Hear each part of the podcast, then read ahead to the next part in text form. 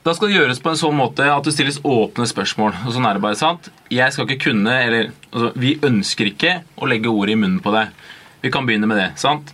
Hva er navnet på den personen? Eirik Etternavn? Jensen. Og hvor jobber han? Orgkrim. Og det er da denne Eirik Jensen på Orgkrim i Oslo politidistrikt du har hatt et samarbeid med siden 92-93. Helt riktig. Det du hører her, er første gang Gjermund Cappelen nevner Eirik Jensen sitt navn til politiet. Det skjedde etter flere timer lange samtaler.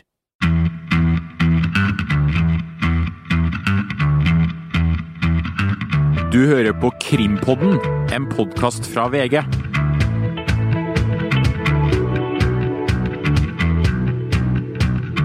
Mens storsmugleren av hasj, Gjermund Cappelen, sitter varetektsfengsla, kommer to sivilkledde politimenn på besøk. De har en mistanke om at Cappelen får hjelp på innsiden i politiet. På seg har de skjult opptaksutstyr, og de hemmelige samtalene blir tatt opp. I denne podkasten gjenskaper vi i VG deler av disse samtalene. Replikkene leses av personer som ikke har noen tilknytning til saken. Kall dem gjerne skuespillere. Vi kaller dem gode kolleger.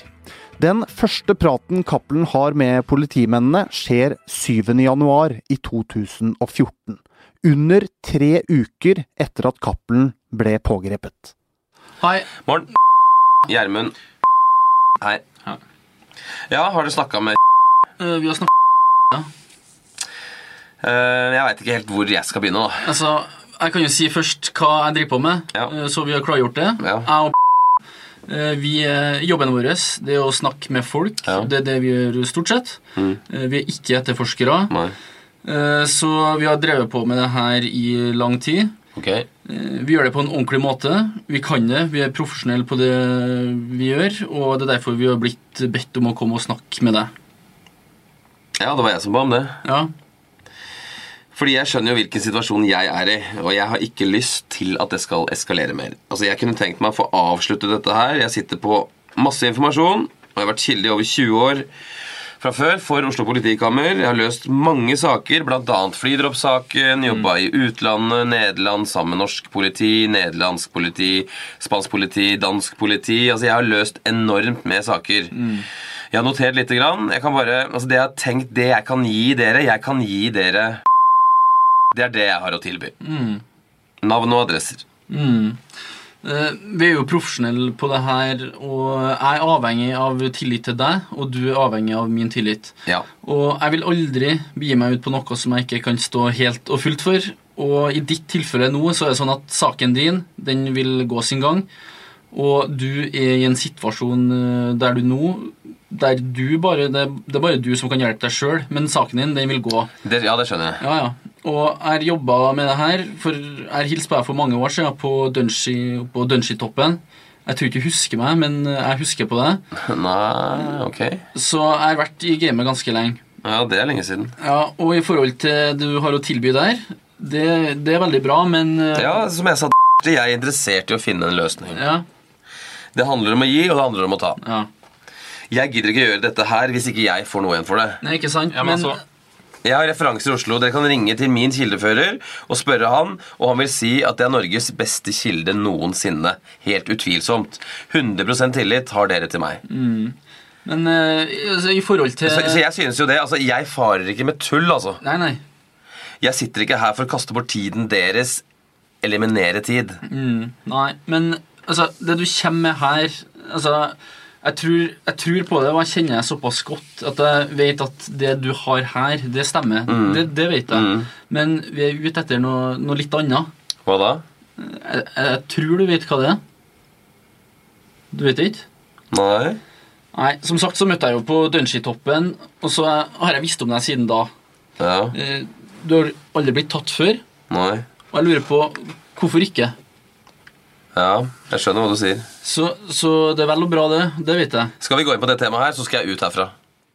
Takk for at du hører på oss. Jeg heter Mats Andersen, og jeg sitter her sammen med rettskommentator i VG Astrid Mæland og krimekspert Øystein Milli. Du skal straks få høre mer av disse samtalene, men aller først, Øystein, hva er det vi nettopp har hørt her? Dette er eh, opptakten til det som eh, har blitt Eirik Jensen-saken. Eh, vi hører to politifolk som kommer inn på cella til Gjermund Cappelen. eh, som ikke etterforsker narkotikasaken, men som da er på jakt etter eh, politimannen som de mener hjalp eh, Cappelen, nemlig Eirik Jensen. Og vi hører hvordan politifolka hvordan Cappelen begynner å skulle forhandle, hvordan han begynner å skulle posisjonere seg. Og han begynner jo da med å snakke om hvor flink han har vært, og hvor mange saker han har løst. og alt han kan bidra med. men han åpner ikke skapet som politifolkene vil inn i, nemlig skapet hvor de mener Eirik Jensen eh, befant seg.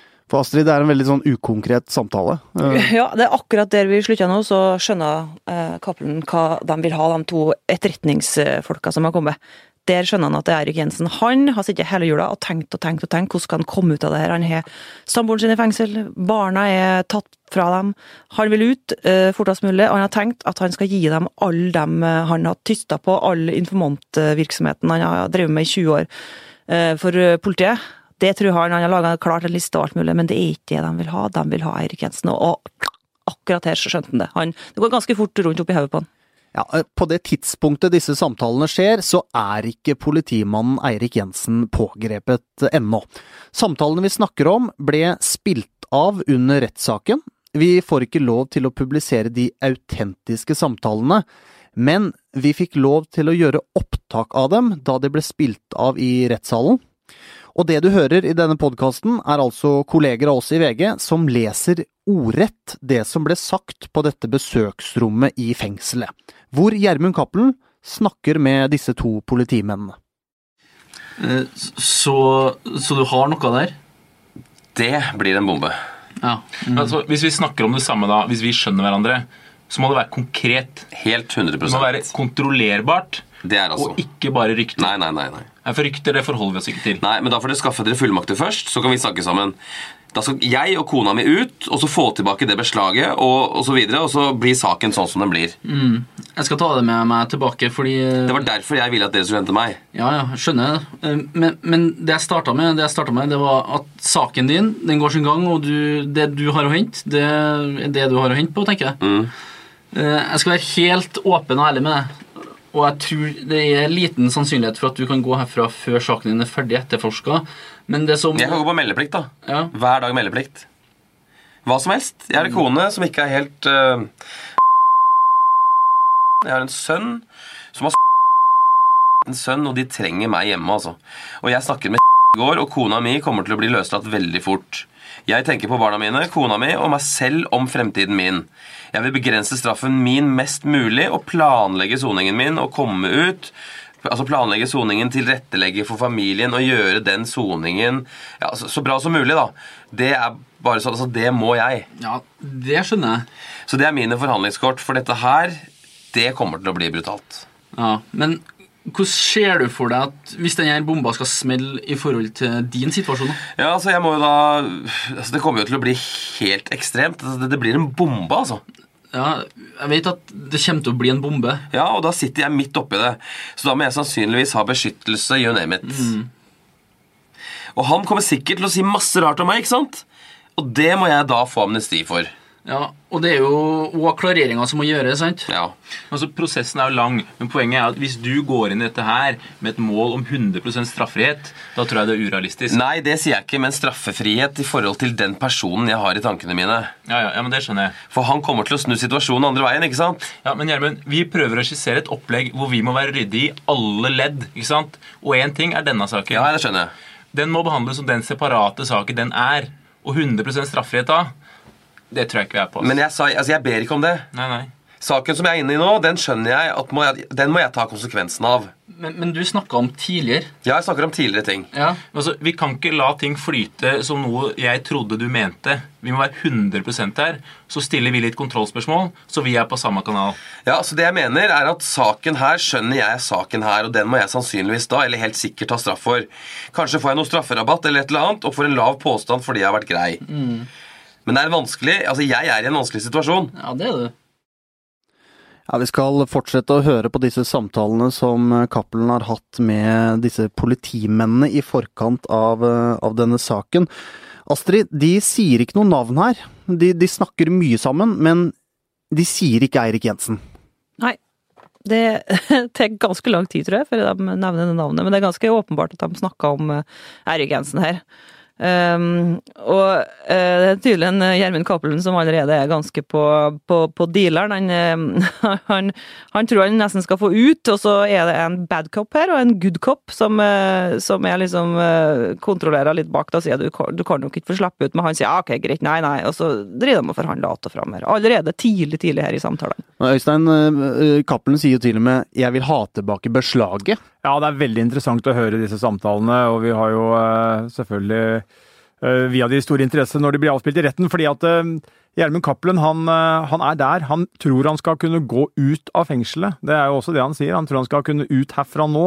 Han snakker også om total straffrihet. Han skal ha tilbake beslaget, som er mange, mange, mange hundre kilo med, med hasj. Og det er klart, det er jo helt utopi. og det Eh, allerede nå hører vi det som er eh, kanskje kjernen i denne saken, eh, disse samtalene. Vi hører en Gjermund Cappelen, som forsvareren hans vil si, og Gjermund Cappelen vil si, at han kommer med masse informasjon etter hvert nå, som er kontrollerbar.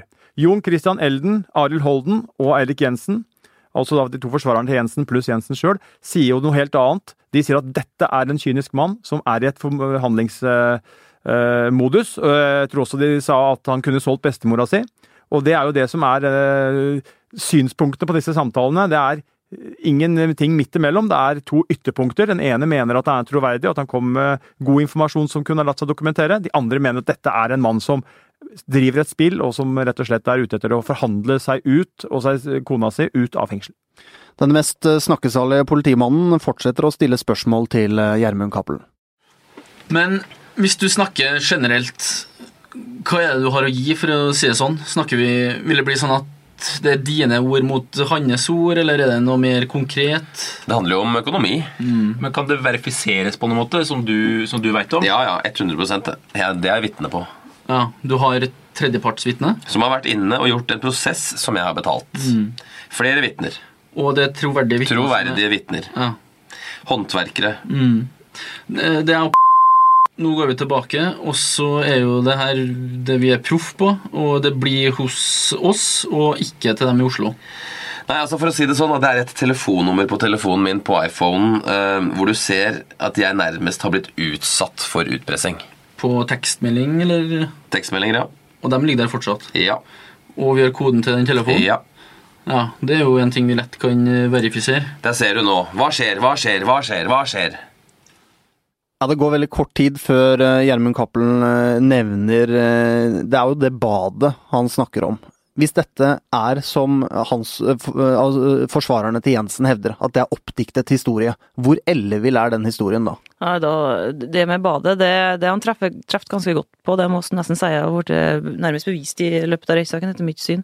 Her er han inne på håndverkerne, og det stemmer. Han, eh, det, var, det, har blitt bevist at Cappelen leverte håndverkere osv. Men det som er problemet etterpå til Cappelen, har jo vist at folk har dødd av de håndverkerne, og de har blitt, blitt gale, eller eh, det var feil, de har blitt syke, ikke villige til å vitne. Eh, så han sliter litt med vitnene. De er ikke så gode. Og så er det, det er så bra uh, skuespill her, må jeg si. fordi det er akkurat som å høre Cappelen når vi satt i retten. Han var altså så overraskende for meg, da, sjølsikker og på selgeren, at det ble helt sånn satt ut når jeg fikk høre den teipen. Og sånn var det å høre den. Men det er problemet for Gjermund Cappelen, men det er jo også problemet for Eirik Jensen. For det som er hans problem, er at dette som Cappelen da serverer i Sila-samtalene, som da politiet ikke De aner jo ikke noe om hva som kommer til å uh, bli sagt. Uh, mye av det, eller en del av det, har jo blitt dokumentert i ettertid. Altså Han snakker om håndverkere, kaster det ut som en påstand. på det tidspunktet. Det kan være sant, det kan være usant. Politiet går ut, etterforsker, og finner Jo, det har vært en håndverker hos Eirik Jensen. Det er til og med en håndverker som er rørlegger, og en del av hasjnettverket til Gjermund Cappelen, dømt til en lang straff i Eh, både tingrett og lagmannsrett. Eh, og det er en håndverker som Eirik Jensen først eh, ikke vedkjenner seg. En håndverker som man må endre forklaring rundt kvittering osv. Så, videre. så det der er Dette er dynamikken i samtalene. Det er, det er eh, Cappelen har sine problemer på troverdighet, Jensen har sine problemer fordi at en del av det Cappelen faktisk sier, selv om han kan si at han er eh, kynisk og vil spille et spill og forhandle, så er faktisk noe av det han sier, dokumenterbart. Det er Cappelen som er klar i talen her. Så jo bedre fullmakter dere har, jo mer får dere av meg. Ja, men, men det du kan tenke på da til neste gang, er det konkrete i det her. Ja, men det har jeg jo allerede. Ja, men altså, Det kan jo være altså, det som er håndfast, det som er kontrollerbart. Du sier jo sjøl at det er økonomi, og økonomi etterlater Spor. Ja, spor, sant? Sånne type ting. Ja, dette er egentlig helt uproblematisk. Ja, for vi kan ikke komme i en situasjon hvor det er ord mot ord og rykter. ikke sant? Det må være litt mer håndfast. Det er håndfast. Ja, det er bra. Det ble foretatt en oppussing som jeg har betalt for. Det er én ting. Jeg betalte alle håndverkerne. Men er det sånn at det Jeg tenker jo at alt vil jo bli snudd på hodet her. Og det som er betalt, og det som er gjort, det er ofte så blir det en vennetjeneste. Og så er det ikke så farlig som det ser ut til, men, eh, Det er for brutalt, det her, altså. men jeg tenker, og jeg tenker mer på hva du, hva du har hatt igjen, og hva er, liksom, hva er bytteperspektivet. Det, det er viktig å få frem. Ja, det, det skjønner dere. Ja, det skjønner vi. Altså, Hadde ikke jeg skjønt det, så hadde ikke jeg brakt det på banen. Nei, det er jo på en måte det jeg sier, at da hadde vi Det må jo ikke få noen konsekvenser for meg i ettertid. Nei, nei. Eh, Men da må jeg fortelle dere akkurat som det er. Men det er jo derfor det er så vanskelig å fortsette denne samtalen før vi er på C-punktet. Ja. For å si det sånn, du er tatt i en sak. Ja. Og etterforskninga vil jo gå av seg sjøl litt tilbake i tid. sant? Og da kan det ikke være sånn at ja, det fortalte jeg til dere, så det gjelder ikke. Så, så det som kommer frem i etterforskninga, det får ikke vi gjort. Nei, ja, det skjønner jeg. det skjønner Jeg Ja, mm. Jeg må bare prøve å forhandle meg til best mulig betingelser. Både når det gjelder straff, og når det gjelder å få goder i forhold til å komme meg tidligere ut, osv. osv. Ja, Øystein, det virker som om alle involverte i den samtalen her eh, er innforstått med hva dette bytteperspektivet er for noe.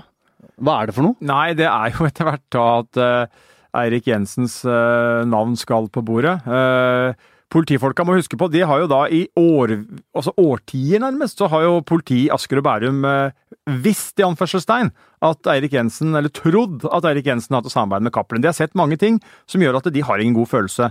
Og når de da har fått endelig da Cappelen, som har vært et mål for dem, på kroken, og har han i denne fasen vi hører nå, hvor, er, hvor han er på glid, så er det klart at man, eh, man går rundt grøten og man presser på. Samtidig er det utrolig viktig for politifolka at de ikke kan bli tatt på å ha lagt noe eh, i munnen på Cappelen. For vi hører jo disse samtalene, de er spilt av i retten, og vi kan jo bare tenke oss hva slags poeng det hadde vært for Elden og Holden dersom dette hadde lukta av noe politiregi, at de hadde ymta frampå om at det var en politimann i Oslo og bla, bla, bla, bla, bla.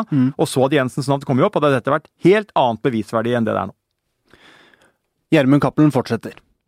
Men faen, altså. vi skulle liksom, altså Det beste hadde vært at vi fikk dette på bånd. rett og slett. Altså, Jeg kan selvfølgelig gi masse og fortelle masse før dere gjør det, men, Men, eh, men, men for oss så er det jo Vi vil jo som utenforstående så vil jo vi prøve å forstå hvordan samspillet, hvordan vei pila peker, hvem som har taket på hvem og sånne ting. sant? Og, og det er jo helt naturlig. det vil dere lese av de meldingene som er på den telefonen. Mm. Hvor jeg prøver å bremse, og den andre er pågående. Ja, men så historisk, da. sant? Hvordan begynte dette her? Alle sånne ting. Ja, ja, det kan vi ta, i hvert fall. Dette stammer til, helt tilbake fra 93, dette her, altså 92-93. Ja, jeg vet det. Så dette er en lang, lang, lang, lang historie. Jeg har bodd hjemme hos vedkommende en periode. Jeg har, altså Mora mi vet om dette her. Eh, Hun kan, til og, ja, hun kan dere til og med få som vitne. Men hvorfor det? Hvorfor Ikke mora di, men hvorfor, hvor- hvorfor det? Hvorfor det ble sånn? Ja, Hvorfor ble det sånn som det ble? En som har dårlig råd, og som så mulighetene. Kynisk. Ja. Vet du, eller har du noe kunnskap om uh, noe som går utover vedkommende? Er det én, flere, eller Nei, det er én. mm, Fordi Jeg tviler på at det er flere. Han har hatt med seg én gang en annen mann, men det var i forbindelse med arbeid da i Holland. Så da var vi tre stykker, meg og de to. Vi var der i eh, 14 dager eller noe sånt. Eh, Det var flydroppsaken, og da var jo politiet i Holland på sporet av disse leverandørene der nede. Da. Så da, da sprengte jo de mm, men, men hva er det du har fått igjen, da? Eh, Du har fått holde på. Ja, det er noen som har raket kastanjene ut av villen. Ja, det er det. Eh, Det er vel sånn som helst ikke skal skje. Strengt tatt ikke. Altså, Det er jo derfor at det er noe som betyr så mye for oss. Jeg skjønner jo det, og dette her kommer til å bli en bombe. altså Dette her kommer til å bli nyheter i flere måneder. vet du. Altså Det kommer til å bli katastrofe. Og for å si det sånn, hvis jeg skal leve med dette her, så skal jeg ordentlig betalt. For han kommer til å prøve å ta knekken på meg. altså. Han kommer til å prøve å drepe meg, helt sikkert. Ja, men Der ser du. Det høyere du henger, jo hardere Ja, du. det dyret må aldri ut. Farlig. Livsfarlig er han også. Ja, Det tror jeg på. Men så er det det at eh, Hva tenker du sjøl om hva som vil skje med han hvis han blir tatt for det han har gjort? Vil han da sitte inntil han blir Gammel. Du tror det? Ja. Det er 20 år, det, vet du. Det er det. Det blir så mange paragrafer at du ikke kan tenke på det engang. Det blir så mange paragrafer at det blir liksom noe utenkelig mange. Det blir korrupsjon, det blir medvirkning til ditt og datt og sånn og slik. Og ødelagt altså Han har ødelagt statens jobb, ikke sant? Altså Han har jo motarbeida sin egen stilling. Det blir ganske brutalt, altså. Og i tillegg til det medvirkningsaspektet i forhold til meg, da, altså så blir det jo helt jævlig. For det er helt konkret. For da snakker vi om medvirkning. Vil han kunne ryke inn på den saken du sitter på nå? Eh, Nå skal ikke vi sitte og satt- snakke sak, men jeg tenker sånn generelt, hvis du ser tilbake Det er opp til meg, det. Ja, Det er opp til deg, men for å si det sånn, det er jo viktig at hvis det skal være opp til deg, så handler det litt om troverdighet for retten hvis vi kommer dit. Ja. Så han vil jo mest sannsynlig si at du bare vil prøve å ødelegge den. Hvorfor skal jeg det? Ja, hvis du kommer dit. Hva slags motiver har jeg for å ødelegge ham? Ja, men altså, nå er det sånn at Vi må være litt djevelens advokater. da, sant? Vi må tenke alternativer, vite litt om mottrekk. Det er trekk, mottrekk hele tida. Og vi sitter jo med mye informasjon, men du sitter på nøkkelen til mye. sant? Ja, jeg gjør det. Jeg kjenner han jo så godt, og jeg kjenner økonomien hans. Jeg vet hva han har foretatt seg nå i den senere tid. Det siste halvåret med økonomi og sånt. ikke sant? Han er ferdig. Bare der. Altså klart Han er en slu rev, han er jo det. Og som jeg sa i stad, få det på tape, så er det ikke noe mer å diskutere. Det er det smarteste. altså. Klart Han kan si 'nei, Gjermund har bare vært kilde', han. ikke sant? Du må jo gjøre noe. Ja. En kan ikke komme, altså, en kan ikke komme i en slik situasjon at det der ryker. Nei, altså, det, det har ikke vi råd til. Astrid Gjermund Cappelen tilbyr å gjøre et opptak med Eirik Jensen. Ja. Hva tenker du om det? Ja, Det er stor risiko for Gjermund Cappelen å tilby det hvis han da har mislykkes. Hvis han har kommet tilbake etter et slikt opplegg og ikke har fått eh, Jensen til å innrømme noen ting. Eller hvis det er løgn at han har et samarbeid med en politimann? Nettopp. Så det her, eh, det her er jo et, en, en- god sak for Cappelen. Det var synd at han eh, egentlig tenker jeg at det er synd at den aldri fikk gjennomført det. Det er mulig at eh, det var for stor rømningsfare, hva vet jeg. Eh, I hvert fall så er det en sånn smoking gun vi savna i denne saken her. En teip som vi skulle hatt enten gjennom Cappelen her og Jensen her, og den samtalen i en avlytta bil, eller tidligere. Og i den neste samtalen så forteller Gjermund Cappelen om hvordan dette samarbeidet skal ha foregått. Så det er det jeg kommer fram til. Det jeg ser for meg, og han kommer sikkert til å være veldig var, eller bli veldig var, hvis det blir sånn da at jeg oppsøker han og sier hei, altså Jeg kan ikke si for mye første gangen. altså Det eneste jeg vil ta han for da, det er at han ikke greide å finne ut at et øh, var beslaglagt. Hvis du har funnet ut det på telefonen, og så ser du den tirsdagen 'jeg må møte deg', det er viktig, så sender jeg melding til han, så møter jeg han, og så sender han meg melding noen timer senere 'alt ok' på telefonen. Så han sjekker da i alle registre, han som var der for å se om det var gjort noe beslag eh, og sånne ting, og det fant han ikke ut av. Så det er også en, altså noe som irriterer meg en del, for å si det sånn. Da. Det kan, så det kan jeg ta han på. Og så kan jeg møte han igjen, og møte han igjen, og, og da begynne å ta han og få han til å fortelle. Og, ja, så dere må bruke Det er ikke gjort på fem minutter, da, for å si det sånn. Nei, nei. Men jeg har lagt en plan. Jeg har jo tid til å tenke her. Ja, men øh, for å si det sånn Hvordan det blir gjennomført i praksis, det, det er det. Det må bli en vurdering av dem som skal kjøre saken. Ja. Og i et samarbeid, selvfølgelig. Ja. Ja. Og der ser jo dere på datoen. For eksempel, det er jo veldig ofte at jeg henter den på politistasjonen. Jeg kjører ned til den avdelingen eh, som de har som ligger ved, ved Kiwi-butikken. Den er, der, den er der han holder til. Og da, da, da kommer han ut, og så, ser, så er det bare for å montere og montere utstyr i bilen. Da. Det er ikke verre enn det. Altså, eller at jeg kan ha det på meg eller noe. ja, vær så god. Men hvilket nivå er dette blir vurdert på da? Altså, vi har snakka med, og vi har brakt det her så høyt vi kan få det. Eh, Altså, Det er veldig få innenfor avdelingene våre som vet om det her, fordi det er såpass kompromitterende at vi Altså, Det er ikke noe du blæser rundt det før du trenger. da. Så det er meg, eh, det er og så er det vår avdeling, og så er det våre to nærmeste som er involvert. Og så er selvfølgelig politimesteren involvert. Eh, Det må han være. Men eh, de har vært i kontakt med Riksadvokaten i dag, så det er blitt brakt så høyt som du kan få det. Skjønner. Det er bra. Det er i hvert fall betryggende for meg. Ja, sant? Så det er ikke noe som blir avgjort på et bakrom, liksom, så, Nei, det setter jeg pris på. så det er ikke noen lettvinte løsninger. da. Altså, vi snakker jo her, vi snakker ikke om riksadvokatembetet. Vi snakker om han personlig. Det er svært uvanlig. Ja, og du må huske på at han fyren har vært eh, rådgiveren hans, vet du. Så det her blir jo helt jævlig. Astrid, riksadvokaten himself er visstnok inne. Hva tenker du om det?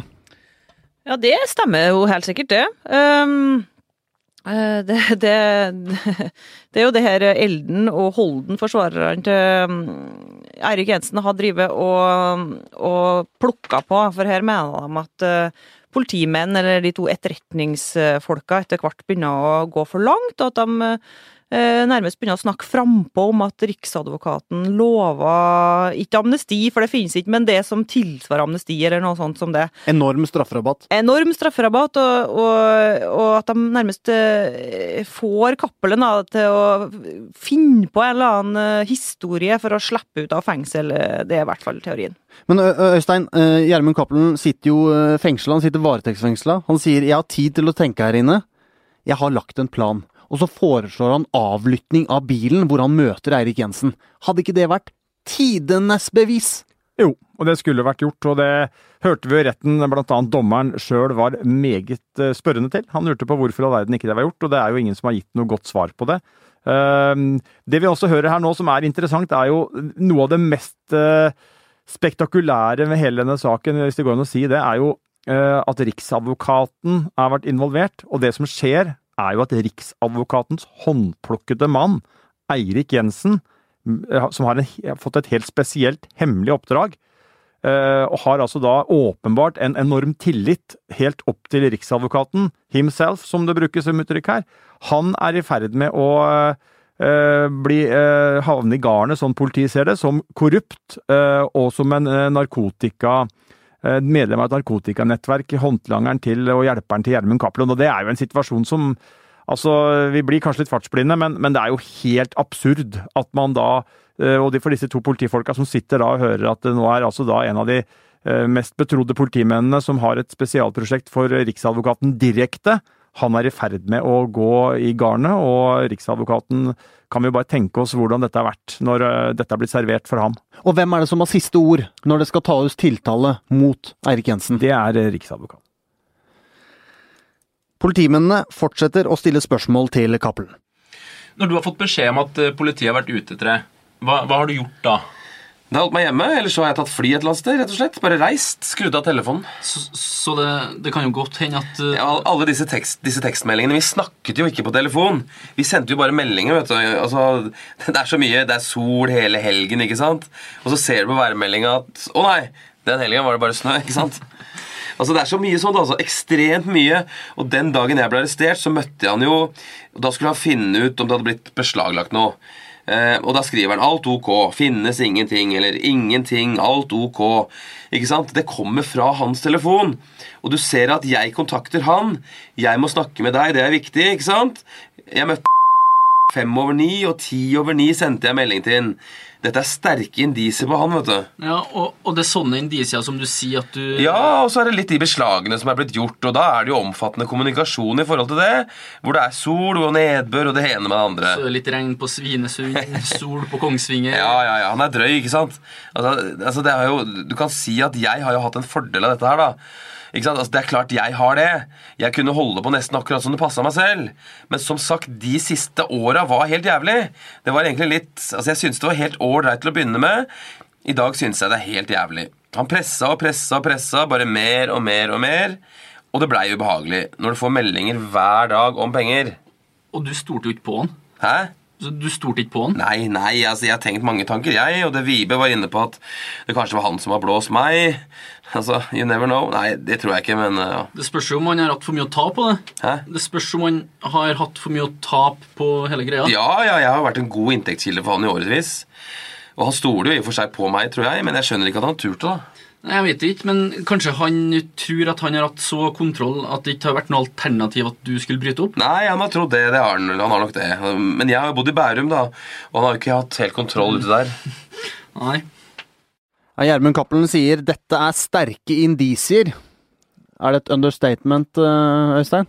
Ja, og det er jo det er fascinerende å høre dette her, eh, fordi at uh, Gjermund Cappelen, han er eh, han er jo et oppslagsverk i En ting er i narkotikakriminalitet, men han er jammen et oppslagsverk også i hvordan man skal forsøke å posisjonere seg. Og måten han her prøver å håndtere disse politifolka på, er jo så du sitter måpende tilbake. fordi at Uh, han sitter jo uh, Han er avslørt. altså Alt har rakna, alt er borte vekk. Uh, men likevel så har han lagt planer, og han har gjort analyser, og han har strategier. Og er jo med på denne samtalen for full musikk. Det, det, er, det er fascinerende. Han er drøy, altså, sier Gjermund Cappelen om Erik Jensen når han snakker om hvordan meldinger Jensen sender om sol og fint vær. Men de meldingene sendte jo òg Cappelen hele tida til hele nettverket sitt, så jeg vet ikke hvem som er drøyest her. men, men eh, han eh, snakker om eh, helt konkrete meldinger eh, den dagen hvor hasjlageret blir, blir borte. Han, han gjengir jo meldinger Uh, han sitter inne på Ila uten telefon, han sitter i varetekt uh, der. Husker godt, ja. Ja, og han mm. husker godt, og dette kan etterprøves? Ja, altså jeg tror uh, at Gjermund Cappelen har hatt mange planer. og han sa han har hatt mange rømningsveier, uh, for å bruke den, uh, det uttrykket. Han, han tror jeg, må ha sittet og tenkt, ok, før han ble tatt, lenge før han ble tatt, hvordan han eventuelt kunne spille Jensen-kortet. Hvordan han kunne spille informantkortet. Hvordan han kunne spille det ene kortet etter det andre. Det, det, det, jeg kan ikke se for meg at han har hva skal vi si, operert på den måten han gjør disse samtalene, uten å ha gjort det forarbeidet. Og da er jo spørsmålet Eh, for en forsvarer fra Eirik Jensen sin side om, eh, om han da har eh, også regissert ting og på en måte tilpassa ting, og at det ikke er så ekte vare. Og så får vi se hva etter hvert retten mener om det, for det er jo et av de store spørsmålene her er jo dette med troverdighet. Men når det er sagt, da, så, så, så er det jo først informantkortet han spiller ut her, og det Jensen-kortet virker som han er litt mer overraska over. Og det som er problemet med Jensen-kortet, er jo at eh, inkriminerer jo han sjøl så voldsomt. Han må jo fortelle alt. De har jo vært, uh, ifølge Cappelen, partners in crime, og den ene er like ille som den andre, sjøl om Cappelen her sier at uh, disse samtalene at det går 100 sånne vanlige kjeltringer på én dirty cop. Jeg vet ikke helt om det regnestykket stemmer helt. Men husk da at uh altså Cappelen satt der eh, med utgangspunktet var 21 års fengsel. Han hadde egentlig sprengt strafferammen. ikke sant? Så når han begynner å spille korta sine, så, eh, så har han alt å vinne. Eh, og det syns jeg også samtalene bærer preg av. At han vet at han sitter på ting som er ekstremt nyttig, og han skjønner jo på disse politifolka at de de går rundt grøten, men de er jammen hissige på den grøten også. Eh, og vil jo selvfølgelig opp i og få tak i sjølve smørøyet der, men, men eh, ja. Det er, det er, en eh, Altså, den samtalen her har jeg aldri hørt noe som har vært i nærheten av, naturlig nok. Og det er jo en oppvisning både i hvordan en kriminell tenker å operere, og det er en, og det er en oppvisning i hvordan dyktige politifolk som vet hva de driver med, også gjør det. Det vil jeg bare si. Men Cappelen sier jo skal jeg ut med dette her, så må jeg få skikkelig betalt. Hva er det han egentlig mener med det? Han mener at han skulle ha vesentlig mer enn det han fikk eh, i, skal vi kalle det anførselstegn, gave fra statsadvokat eh, Alfheim i retten, for han har jo fått en, eh, en strafferabatt som han mener er altfor liten. Og jeg tror at Cappelen så for seg på dette tidspunktet, altså han begynte på at det kunne bli nesten null. Men så sier jo politifolk at det, saken din går sin gang og, sånn, men, men jeg, hva han har tenkt, jeg tror han må ha tenkt ned mot sånn at han kan være med, være med, sitte i varetekt mens saken blir oppklart og få nærmest spasere ut. Altså Han har i hvert fall ikke sett for seg at han skal få en så lang straff som eh, aktoratet nå mener. Og aktoratet mener, mener 18 år nå? Ja. Og han, eh, altså Gjermund Cappelen mener seg at han er, han er lurt. Altså Han er, han er rysta og forbanna, sitter på Ila og har kanskje ikke helt uh, kommet seg enda, fordi at uh, han, var, han, var, helt uh, det var et slag i ansiktet. Han mener at han har bidratt til å gjøre så viktige ting for samfunnet, altså da oppklare da denne, han mener at han har oppklart denne Jensen-saken, og at han har eh, avverget da at en korrupt politimann kan gjøre mer skade, og mener at han skal ha betydelig strafferabatt for det. Ja, for Blir han lovet noe i de samtalene? De går jo ganske langt i å si at de har gjort alt de kan og snakka så høyt opp de kan, og de kan ikke kalle det amnesti, men alt annet som ligner på det. Eh, og han sier tidlig i samtalene her at eh, det er ikke noe vits for meg å snakke hvis jeg ikke får noe for det. Eh, og det har han jo helt rett i. Han har hatt, opplevd ganske mye ubehag i løpet av uh, åra som har gått, med presseoppslag og med rettssaken som uh, til dels har vært svært offentlig, med, med detaljer om familie og, og ikke minst mødre, vitner vitne, altså familie som har vitna osv. Vi vet nesten alt om Gjermund Cappelen, og han syns det selvfølgelig er ubehagelig. Så hvis han har latt være å sagt noe Ja, Hvis han har holdt helt tett ja, Da ville han, da vil han fått omtrent samme straffen som han, eh, som han eh, ser ut som han får nå, kan se ut som han får nå, eh, vil jeg tro. For at de i ligaen hans som har blitt dømt allerede, de har fått 14-15 år. Han ville kanskje fått et par år til, da, sier han har fått det samme som nå, og uten å måtte ha sagt alt det her som er ubehagelig. Ja, det, han er Og jeg, jeg skjønner Cappelen litt, må jeg si. fordi at øh, Jeg prøvde å tenke hva hvis jeg hadde vært Cappelen og hadde hørt hva politifolka der sier. Og de, de, lover jo ikke noe konkret, men de gir jo noe som jeg ville ha Hvis du ser bort fra at dette er en øh, kan overføre til å være en vanlig samtale om noe helt annet som ikke er kriminelt, og du på en måte har en dialog om noe, så vil jeg si at øh, jeg hadde følt meg lurt. Uh, fordi at han sier at han kan få skikkelig betalt, og de svarer jo på det at altså, de, de, sier jo ikke nei. og er, er jo, de, kunne, de, burde vært, eller kunne vært mye mer kategoriske og sagt at vet du hva, det kan ikke vi love noen ting om. Rettsvesenet gjør sin jobb, det er ikke en del av oss. Vi kan bare statsadvokaten gjør sine vurderinger. Først må han eh, eller hun gjøre det og, en, eh, komme med straffeforslag, og så er det retten som dømmer deg. Så vi kan ikke love Det er jo realitetene.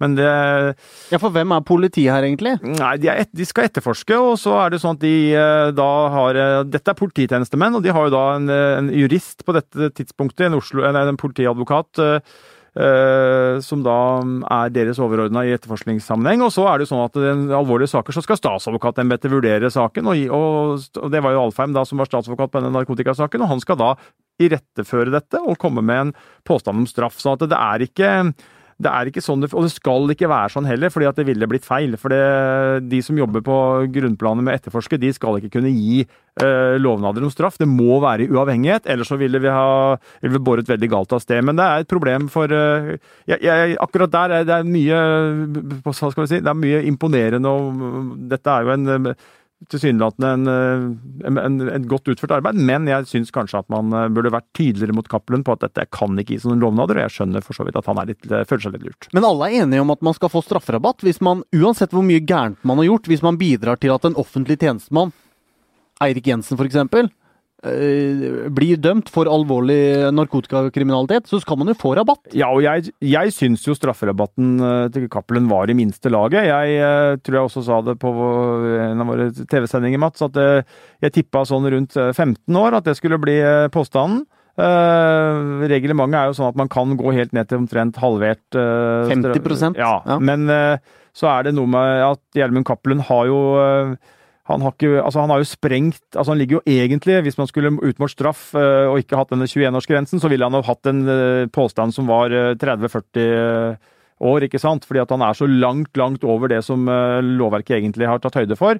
Og derfor så kan man ikke dette ned helt til 10-11 år, det blir litt feil. Da kommer han under sine egne ligamedlemmer som har langt mindre roller, men jeg tenkte altså som sagt at han burde få noe mer enn 18 år, da. Uh, nei, noe mindre enn 18 år uh, som påstand. Astrid, tror du det er sånn at aktoratet og statsadvokaten overlater dette spørsmålet til dommerne? Det er i hvert fall ubehagelig for dem å få anklager om det her igjen og igjen, om fra forsvareren til Jensen, om at de har inngått en dirty deal med, på Ila fengsel med Cappelen. Og hele liksom, Forsvaret har jo gått ut på å prøve å si at, eh, at, det, handler om eh, om å få redusert straff for Cappelen. At han har dikta opp en historie nærmest eh, om Eirik Jensen. Og hvis strafferabatten da hadde vært altfor lav, høy, og han har fått mindre enn ligaen sin, så kunne de kanskje dundra mer på det enn de gjør nå. Men jeg syns òg, akkurat som Øystein sier, at tre år er lite for alt det her. Du ser jo hvordan det starta i samtaler. Han snakker om at det kan bli Kanskje dommen kan bli unntatt offentligheten, kanskje rettssak, rettssaken skal i hvert fall bli lukka. Han snakker om at han ikke skal møte Jensen i samme rettssak. Og han ser for seg en medie, som han får helt rett i, en mediesak uten like. Svært ubehagelig. Alt det her skjedde. Ingenting av det fikk han oppfylt, og han fikk ikke engang strafferabatten som han drømte om. Vi får se hva rabatten blir når eh, retten konkluderer. I september er det sagt. Det er ikke sikkert at, at dommen kommer da en gang. Men det som er sikkert, er at når den kommer, så er vi tilbake med mer prat om Jensen-saken.